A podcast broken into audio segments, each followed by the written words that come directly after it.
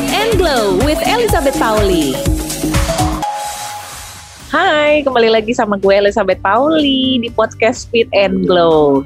Di podcast ini lo bisa mendengarkan banyak sekali informasi-informasi penting yang lo butuhkan yang pasti terkait untuk kecantikan ataupun kesehatan ya. Nah, beberapa minggu lalu kita kan sudah melewati yang namanya bulan puasa, kita sudah berlebaran ria. Tapi herannya kemarin pas uh, karena ada larangan mudik, akhirnya ada muncul video di sosial media tentang orang-orang yang justru kayak marah-marah karena nggak boleh mudik. Atau karena dia nggak pakai masker akhirnya marah-marah lagi. Inget orang tuh harusnya liburan kan fun ya tapi ini bawaannya kenapa marah-marah mulu? Akhirnya kita yang ngeliatin orang marah-marah tuh bawaannya jadi bad vibe juga ke kita terus kita malah jadi ngecap mereka ini orang stres kayaknya nih kayak kurang hiburan nih orang nah mungkin itu karena dia mungkin kalau dari ceritanya dia pribadi ada beberapa faktor juga yang akhirnya membuat dia semarah itu ya nah karena kita lagi pengen ngomongin soal orang yang sering marah-marah atau orang yang stres itu uh, spesial banget makanya kali ini gue pengen ngobrol-ngobrol sama Mas Aji Santoso Putro. Nah, di mana Mas Aji Santoso Putro ini merupakan praktisi kesehatan mental. Aduh, gila. Di tahun 2000 berapa ya?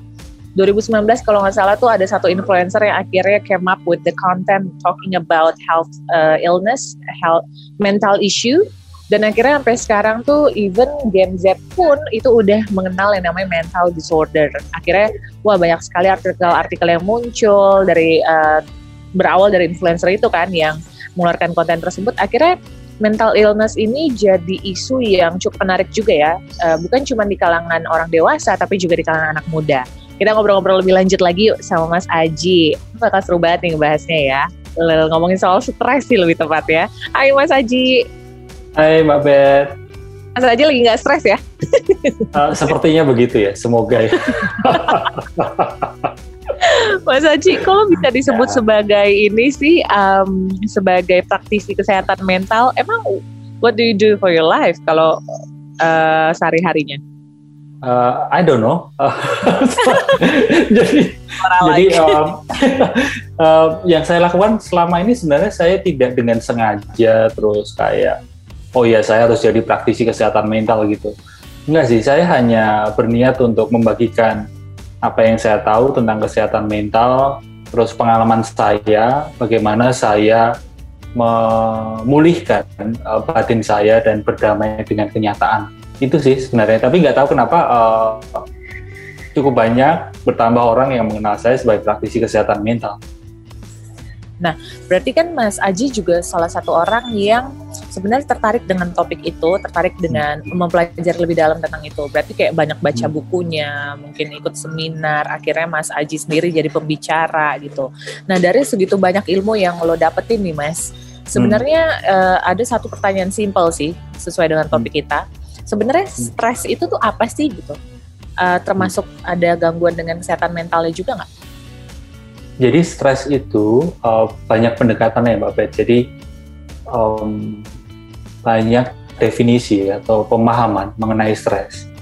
Kalau yang saya pelajari ya dengan pendekatan kesadaran diri atau pendekatan mindfulness, uh, kan pendekatan kesehatan mental itu cukup banyak dan salah satunya adalah pendekatan mindfulness yang selama ini saya pelajari itu kesadaran diri, memahami bahwa stres itu sebenarnya lebih ke karena kita menolak kenyataan yang terjadi. Gitu. Jadi kita bertengkar dengan pikiran dan perasaan kita sendiri. Gitu. Ya. Um, tapi sebelum kita membahas hal itu, saya kepengen uh, menyampaikan dulu bahwa kita manusia itu butuh stres. Memicu jadi, adrenalin ya. Untuk apa? Iya, jadi jadi stres itu nggak sepenuhnya buruk. Kalau kita sama sekali nggak stres, kita cenderung jadi orang yang mager, jadi cenderung jadi orang yang males-malesan nggak ada oh. motivasi oh. iya ya. jadi kalau kalau kita uh, menganggap bahwa diri kita sama sekali nggak stres itu malah mungkin selama ini kita nggak ngapa-ngapain gitu maksudnya selama ini kita tidak berkarya tidak bekerja gitu uh, ketika kita mulai bergerak bekerja mulai menjalani hidup ini tentu kita perlu stres yang secukupnya nah tapi kalau berlebihan stresnya kita menjadi burnout kita menjadi uh, mengalami uh, isu mental gitu. Um, sehingga kita perlu jaga supaya stres ini nggak kekurangan, tapi juga nggak kelebihan. Ya, baik lagi tadi stres itu sebenarnya uh, terjadi karena diri kita kewalahan dengan pikiran dan perasaan kita.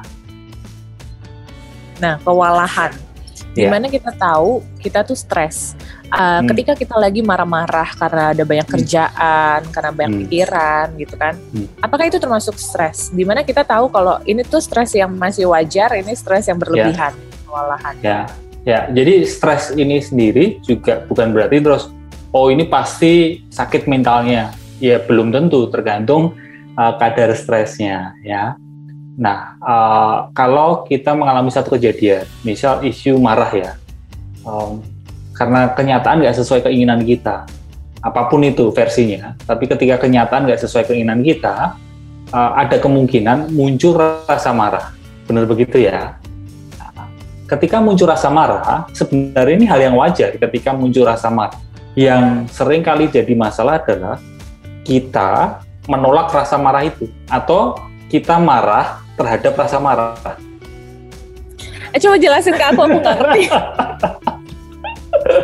Contoh misal, misal apa kenyataan yang nggak sesuai keinginan, misal um, hujan. Contoh ya hujan. Uh, sebenarnya mau mau jalan sama temen dan uh, ternyata hujan gitu. Kan kenyataan nggak sesuai keinginan kan. Lalu muncul rasa marah, sebel lah paling nggak atau jengkel. Rasa marah, sebel, jengkel itu hal yang wajar sebenarnya, alami Gak masalah contohnya kurang dengan... contohnya kurang serius. Gimana kalau lo udah pacaran lama nih? Oke. Okay. pacaran selingkuh, marah. Ya, juga, nah, okay. marah yang level tinggi itu yeah. tuh. Hmm. Jadi marah ya. yang gak mau marah terhadap ma rasa marah tuh gimana tuh? Ya, uh, pacaran selingkuh ya atau ghosting lah gitu ya. Tiba-tiba ngilang gitu. Padahal pas lagi sayang-sayangnya kok dia ngilang gitu. Ya. Kan nah. muncul rasa marah di diri kita kan. Itu wajar, wajar karena kenyataan gak sesuai keinginan.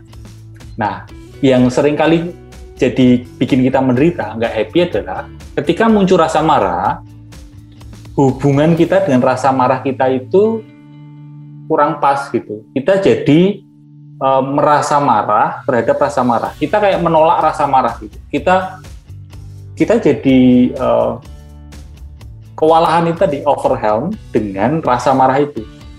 Ya. Nah, supaya kita memulihkan stres kita, supaya kita memulihkan rasa marah kita, kita bukan menghilangkan rasa marah loh, tapi ketika muncul rasa marah itu, ketika uh, pacar selingkuh dan sebagainya, ketika muncul rasa marah itu, kita bisa membina hubungan yang baik dengan rasa marah itu. Kita belajar menerima rasa marah itu, atau kita belajar memeluk rasa marah itu. Uh, ketika memeluk rasa marah, bukan berarti terus menerima lagi si pasangan yang selingkuh itu. Itu beda beda beda konteks. Uh, beda konteks gitu. Yang terpenting adalah kita perlu membereskan dulu hubungan kita dengan rasa marah kita. Dengan Ketika emosi kita, kita. Iya, itu sebenarnya langkah pertama yang perlu kita lakukan untuk merawat kesehatan mental kita. Bagaimana kita berhubungan dengan emosi kita sendiri dulu sebelum kita bicara dengan hubungan dengan orang lain. Nah, simpelnya, eh bukan hmm. simpelnya. Selanjutnya, Bagaimana caranya kita bisa menerima hal itu? Gimana yeah. cara kita mengelola si rasa marah itu supaya kita bisa yeah. terima gitu? Ya, yeah. ada dua emosi uh, secara garis besar, unpleasant feeling dan pleasant feeling. Unpleasant feeling itu biasanya marah, cemburu, sedih, apalagi uh, pokoknya hal-hal yang hal-hal yang kita kategorikan itu emosi yang nggak nyaman. Itu kategori pertama. Kategori kedua adalah pleasant feeling atau pleasant emotion. Itu emosi-emosi yang uh, cenderung gembira atau mungkin apa? Pokoknya joy, ceria dan sebagainya. Nah, sering kali kita itu menolak unpleasant feeling dan kita sering kali mempertahankan pleasant feeling. Ya. Dan itulah sebenarnya langkah yang kurang tepat. Tapi wajar nggak sih orang lebih enjoy being, wajar. being joyful rather than being angry? Yap, yap, wajar. Itu hal yang wajar. Cuma kalau kita terjebak di sikap seperti itu terhadap emosi kita, kita jadi uh, bingung sendiri dengan dengan diri kita. Kenapa? Karena sifat emosi itu ya dia akan datang dan pergi. Yang unpleasant feeling gimana pun juga pasti akan datang. Yang pleasant feeling gimana pun juga dia akan pergi. Kita nggak akan bisa mempertahankan pleasant feeling. Kita tidak bisa menolak sepenuhnya unpleasant feeling. Sehingga untuk bisa benar-benar happy ya uh, true happiness itu ketika kita belajar untuk tidak sepenuhnya menolak unpleasant feeling dan kita belajar untuk tidak sepenuhnya mempertahankan pleasant feeling. Emotion feeling kamenku. Ya benar sih. jadi kalau kita lagi please ngerasain pleasant feeling, jadi kita harus merelakan dia pergi. Iya, Atau hanya kayak, sadari saja. Just just be observer. Kita menjadi pengamat emosi kita, kita sadari bahwa pleasant feeling pun akan pergi, sehingga okay. sikap kita, sikap kita pada waktu kita kedatangan emosi apa pun itu, kita nggak baper, kita lebih jernih untuk memilih sikap kita. Untuk orang-orang cancer seperti aku, oi lah. baper is such a joyful kayak gue menikmati momen ini. Jadi gini yeah, uh, mas, ketika lagi pleasant feeling ya gue benar-benar kayak uh, gue ya maybe this happy feeling will be will will go someday tapi yeah. ya I will enjoy to the max today's and this minute feeling gitu Uh, enjoy enjoy the moment kan enjoy, enjoy the, the moment, moment iya. itu ya itu memang kita perlukan tapi ketika ya segala sesuatu yang too much itu tentu akan yeah. akan nggak baik juga ya nggak sehat juga yeah, buat sih. kita ya ya Iya gitu. sih. Nah, si yeah. unpleasant feeling alias si stres, yeah. si penuh emosi ini ada tingkatannya juga. Hmm, bisa dikatakan seperti itu ya. Uh, ada yang mungkin sifatnya kayak ada rasa jengkel, unpleasant feeling yang mungkin kita bisa abaikan gitu. Tapi ada juga yang unpleasant feeling di tahap contoh misal kehilangan uh, seseorang yang uh, tercinta meninggal dan sebagainya gitu. Itu kan grief ya. Itu unpleasant feeling juga dan tentu berbeda dengan misal uh, kata hati yang sifatnya lebih lebih nggak nggak seberat itu gitu. Jadi memang beda-beda. Tingkatannya ada ya nggak nggak tidak terkategorikan ada berapa level gitu ya, tapi emang oh enggak. Emang ada gitu iya, ya. Memang iya, memang beda-beda dan uh, kita perlu memahami bahwa ketika kita berinteraksi dengan orang, kita tidak bisa memukul rata. Maksudnya kok lu gitu aja kok cengeng sih gitu. Lu gitu aja kok kok uh, ini sih uh, apa namanya uh, kok sedih sih gitu. Oh yeah. makanya jadi lu jadi orang kurang bersyukur dan sebagainya. Itu adalah langkah yang uh, tidak baik ya atau tidak disarankan. Sebaiknya kita hindari hal semacam okay. itu karena karena yang berat buat mereka ya belum tentu. bisa jadi ya belum tentu gitu. Maksudnya kita punya cerita sendiri sendiri sih. Iya iya iya itu itu bukan teman yang baik banget sih ngomong kayak gitu ya. Kasihin juga bisa jadi ya uh, stres atau sedihnya orang kehilangan laptop bukan berarti kayak ya kita ya udah sih laptop bisa dibeli lagi gitu santai yeah. lah gitu. Kan kasihan yeah. ya. Kayak kita nggak empati jadinya. Iya iya. Karena karena biasanya ini agak mungkin pembahasannya agak mendalam tapi eh, saya ingin sampaikan adalah ketika kita menghibur orang. Misal ketika dia kehilangan laptop atau dia putus sama pacarnya lalu udahlah nanti kita dengan cepat bereaksi udahlah nanti pasti dapat gantinya itu sebenarnya ya. ada kemungkinan ada kemungkinan kita sebenarnya dalam rangka untuk nenangin diri kita sendiri gitu. Iya sih, pernah gue kayak gitu mas. Nah, sama. Mas lu non ya, aku sama ya pernahnya. well everyone. Yeah. Nah, Mas lu nonton gak sih yang video di sosmed yang cewek marah-marah? Ada dua cewek kalau nggak salah, iya. sama-sama yeah. di mobil terus kayak nunjuk-nunjuk Iya nonton terus sekilas kata kasar aja gitu kan. Iya, dia ngomong kata kasar iya. terus kayak hmm. gitu lah. Hmm. Dia bilang sih uh, ada neneknya yang meninggal, cuman hmm. uh, waktu itu marah-marahnya kelihatan lebih kayak orang stres gitu. Nah, what do you think about that video? Hmm, Apa emang karena ada efek stresnya? Um, mungkin ya. Uh, eh, gue nggak tahu detailnya seperti apa. Maksudnya gue nggak nggak ngeliat videonya secara jelas dan gue nggak tahu uh, yang orang yang ada di situ kehidupannya seperti apa gitu. Cuma mungkin kalau dari sudut pandang makro ya, uh, belum tentu benar juga. Tapi ini dari sudut pandang makro, gue melihat bahwa kita ini kan berada di masa pandemi yang cukup panjang kan, uh, almost two years loh ya kita kondisi seperti itu, ini gitu. Maka ada ada pemahaman pandemic fatigue. Kita mengalami pandemic fatigue, kelelahan pandemi. Uh, dan orang capek, orang capek itu memang single dikit marah-marah sih gitu. Bisa jadi ini akumulasi dari pandemi yang pertama dari tahun lalu gitu ya, terus orang yeah. ini akhirnya pecah aja gitu ya. Iya, kekecewaan, kesepian. Nah, isu yang mungkin mulai perlu kita perhatikan sekarang ini dengan masa pandemi ini adalah tentang loneliness. Um, sebatas saya mendengar curhatan teman-teman ya, cerita dari teman-teman, mulai bertambah orang yang merasa kesepian. Uh, ya karena kondisinya seperti ini gitu. Uh, kesepian sehingga karena kita tidak tidak mampu atau bisa dikatakan kesulitan berhadapan dengan kesepian ini, maka reaksi yang muncul ada marah-marah. Gitu.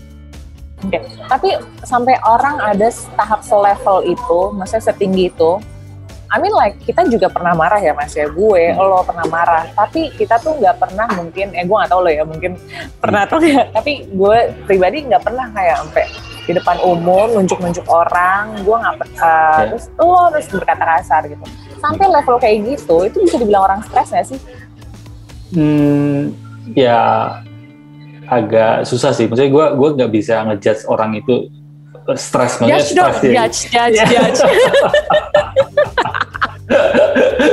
gue nggak bisa apa namanya bilang kalau dia stresnya se setinggi apa gitu kan. Stres kan ada ada yes, iya ukurannya juga gitu. Maksudnya stres yang wajar atau stres yang sampai sampai perlu penanganan profesional gitu.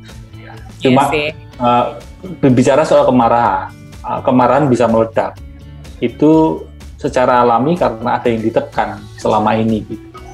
Jadi uh, karena selama ini kita menekan kemarahan kita, kita tidak mau menemui rasa marah itu. Jadi kan ada dua respon terhadap rasa marah.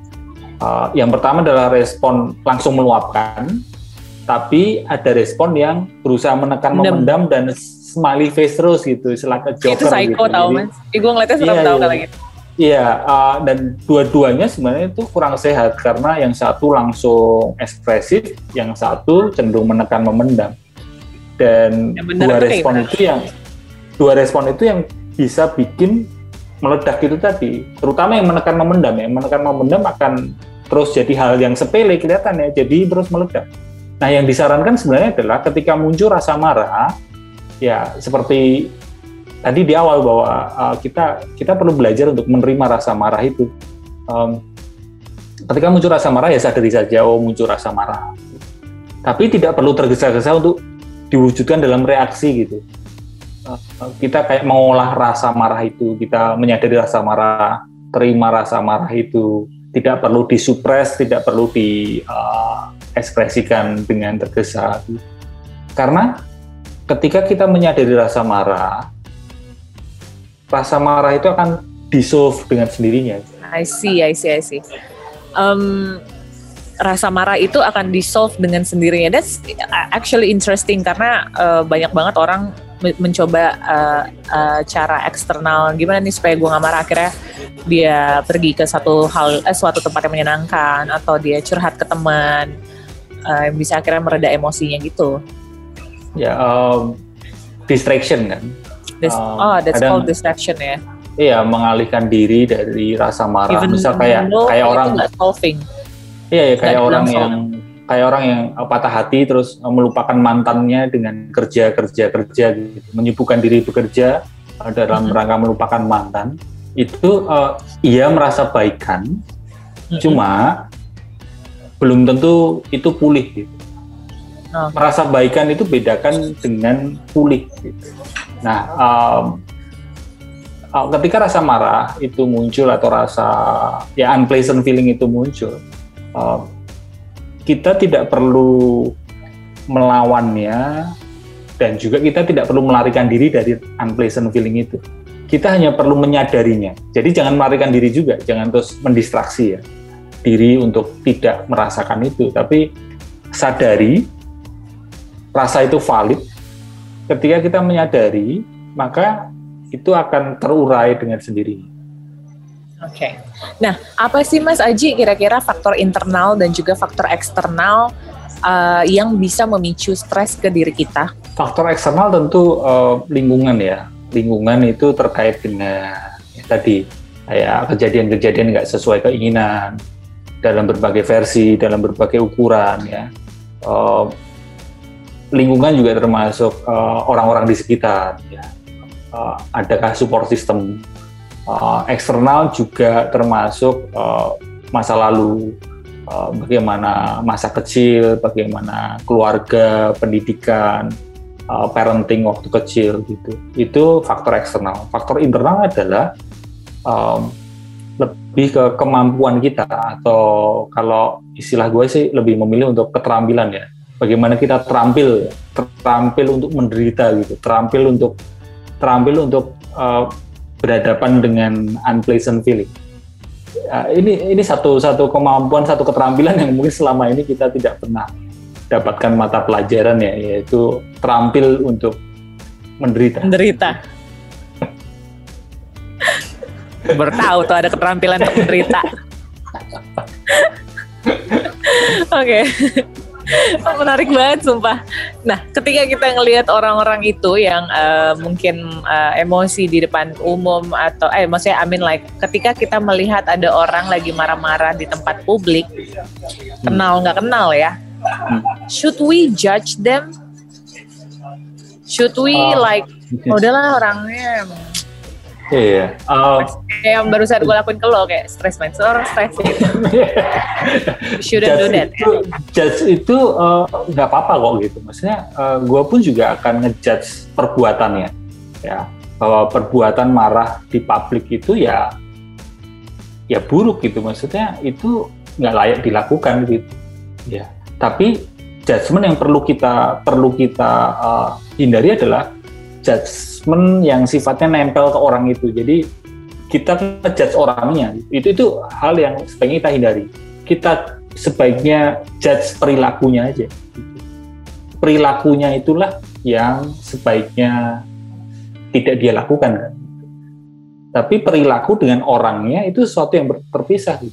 Karena kalau kita ngejudge orangnya, ya nempel terus gitu. Bahkan mungkin uh, selamanya dia kita judge orang yang seperti itu kan? Itu nggak nggak ada juga buat kita. Kalau kita digituin kan juga nggak mau kan gitu. Kita kan tentu menjadi manusia yang lebih baik dan sebagainya gitu. Tapi kalau judge perilakunya ya nggak apa-apa menurut saya gitu. Ini penilaian personal saya sih ya.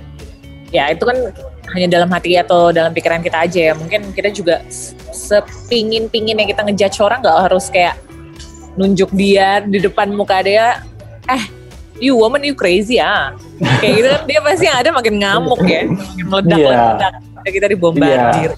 ya makanya kalau kita memang kepingin uh, mengatasi persoalan kemarahan ya sebaiknya tidak menggunakan kemarahan di atas kemarahan gitu. Jadi yeah. uh, ya kan sama aja gitu kayak menumpas kemarahan dengan kemarahan ya berarti yang menang adalah kemarahan itu kan. Iya, Sehingga kita perlu perlu memulihkan kemarahan ini dengan compassion bukan compassion? dengan jalan ke mana compassion ya compassion uh, welas asih uh, kasih sayang pendekatan yang lebih gentle ya. Nah, gimana caranya supaya kita menjaga emosi kita itu tidak meledak, Mas? Hmm, emosi tidak perlu dijaga. Nah, ini satu kata yang mungkin banyak orang ya agak enggak. Yang perlu dijaga itu adalah harta dan kekayaan ya. dan keluarga karena dan keluarga. harta paling berharga adalah keluarga. Keluarga. Jadi nggak usah jaga-jaga emosi udah. Ya karena kalau kita terlalu mengekang emosi kita, kita juga uh, jadi bermasalah. Jadi perlu kita bedakan dulu emosi dengan pelampiasan emosi. Emosi tidak perlu dijaga, sadari saja emosi. Setiap emosi apa pun yang muncul tidak perlu dikekang-kekang, sadari saja. Sehingga ketika kita menyadari emosi kita, maka kita akan lebih mampu memilih cara, memilih jalan untuk melampiaskan emosi kita. Karena ada loh orang yang terlalu menjaga emosinya. Dikekang emosinya pokoknya jangan marah, jangan marah, jangan marah. tapi tiba-tiba pelampiasan emosinya menjadi nggak karuan. Emosi ini biarkan alami aja. Emosi nggak perlu dijaga di tapi dalam dikontrol. diri kita. Tidak perlu dikontrol juga. Emosi di dalam diri kita. Emosi di dalam diri kita itu dibiarkan dia dia muncul, dia lenyap, ya biarin aja gitu. Hanya sadari saja kita jadi penonton. Jadi kayak kita nonton film, uh, yaitu berupa emosi kita. Gitu. Kita tonton tanpa mengubah alurnya gitu, mengubah alur ceritanya. Sehingga dengan menyadari emosi, maka pelampiasan emosi kita itu menjadi lebih bijak gitu. Tidak terus meledak, tapi juga tidak terus terlalu menekan. Pelampiasan emosi lebih jernih. I think ini gue masih harus meresapi ini semua gitu loh karena gue adalah orang yang mungkin masih harus belajar bagaimana melepaskan emosi di waktu dan tempat yang tepat ya kan? Ya karena lo bilang barusan kayak emosi tuh nggak usah dijaga tapi kan kalau misalnya gue lepas gitu ya kan nanti gue bisa orang gila gitu kan? Bedakan bedakan antara emosi dengan pelampiasan emosi. Apa tuh bedanya mas? Ketika emosi misal misal gue emosi sekarang misal uh, apa kangen gitu misal kangen seseorang gitu. Oke. Okay. uh, oke. Okay. uh, ya, ya biarin aja. Biarin aja. Biarin aja emosi itu muncul. Tidak perlu terus oh pokoknya uh, jangan kangen jangan kangen enggak biarin aja emosi itu muncul. Sadari saja rasa kangen itu.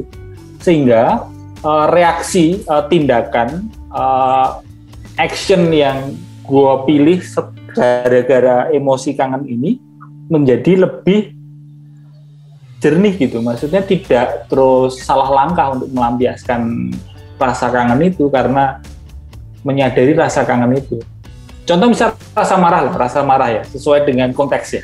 Ketika yeah, muncul rasa marah, hari ini. Yeah. Ketika muncul rasa marah, ya gue akan berlatih untuk tidak menekan rasa marah itu ya gue biarin aja rasa marah itu muncul di dalam diri gue gitu.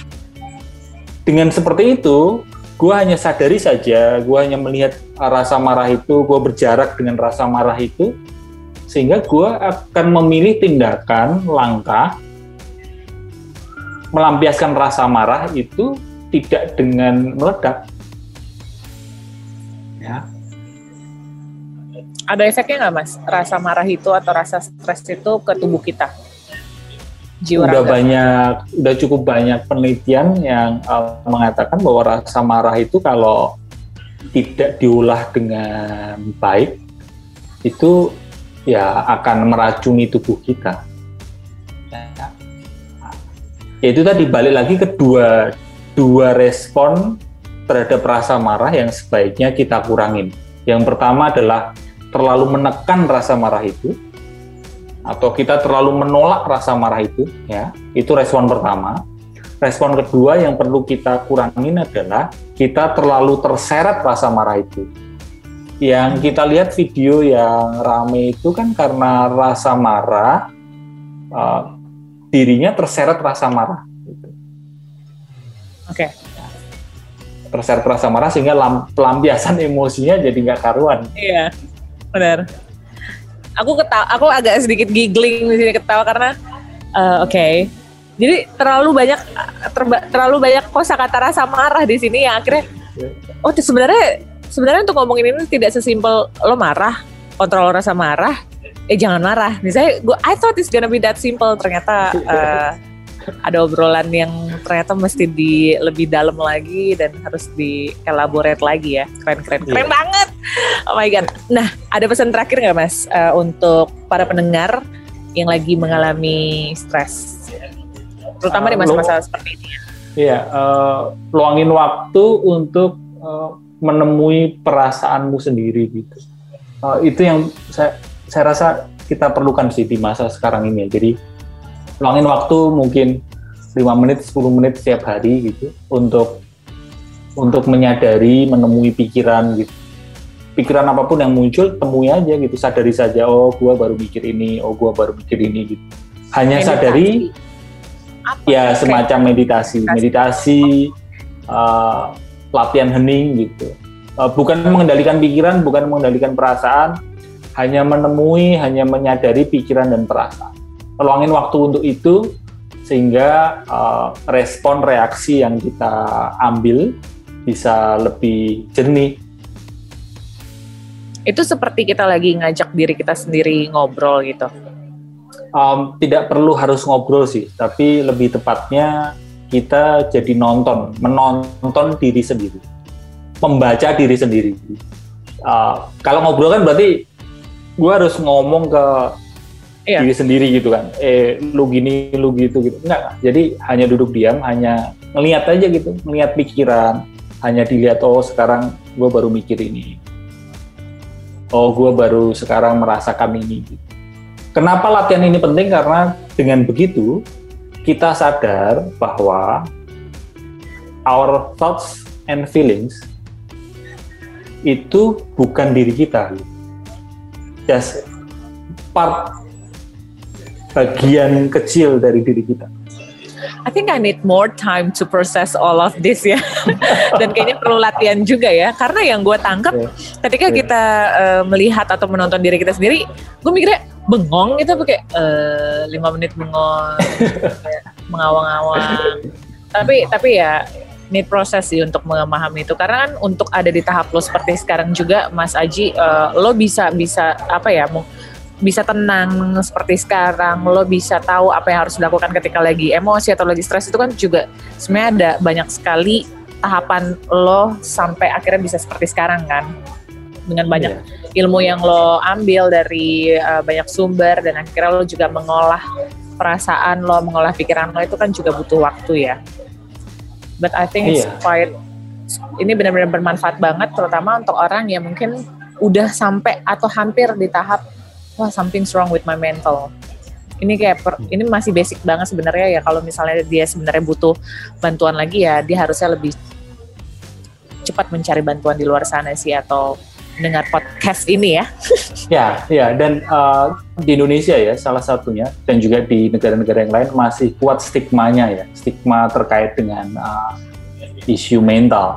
Uh, masih cukup banyak orang yang uh, tidak mau mengakui jujur bahwa um, nggak nggak nyaman dengan kondisi mentalnya gitu. Iya. Uh, maka di kesempatan ini mungkin gue mau ngomong bahwa uh, nggak uh, usah malu, nggak usah malu untuk uh, mengatakan uh, kondisi mentalmu seperti apa. Gitu. Kalau memang kamu butuh bantuan, hmm. cari bantuan gitu secepat mungkin daripada nanti uh, numpuk ya. Kalau udah numpuk nanti malah uh, kurang baik. Jadi nggak apa-apa kok, nggak apa-apa kalau memang kamu terluka karena patah hati, nggak apa-apa kok kalau memang kamu sedih karena kehilangan dan sebagainya, karena kegagalan dan sebagainya.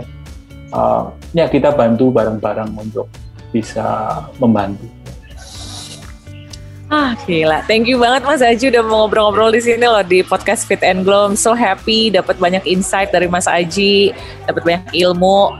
Pokoknya teman-teman juga para pendengar yang pengen uh, tahu lebih lanjut atau pengen lebih kenal lagi dengan Mas Aji bisa follow Instagramnya. Barusan aku follow oh, di yeah. Aji Santoso Putro ya. Iya, iya. Ya, terima kasih ya. Terima kasih juga loh udah ngundang saya dengan obrolan saya yang mungkin kalau sulit dipahami mungkin karena memang memang pemahaman seperti ini kita Sedikit perlu pelan-pelan nih. Insightful, tapi insightful yeah. banget sih. ya makanya kalau kalau joke sama teman-teman kadang kalau ngobrol sama gue, gue bilang ya akhirnya bukan lu udah paham atau belum tapi gue bakal tanya lu udah bingung belum? Gitu ngobrol sama gue lucu lucu lucu lucu. Aduh pengen pengen pengen pengen iya, digituin yeah, kayak you, udah bingung belum? Iya sama-sama Mas Haji dan buat teman-teman bisa juga dengerin Fit and Glow di Delta FM Bahana FM dan Female Radio dari hari Senin sampai Jumat jam 10 sampai jam 4 sore. See you! Fit and Glow with Elizabeth Pauli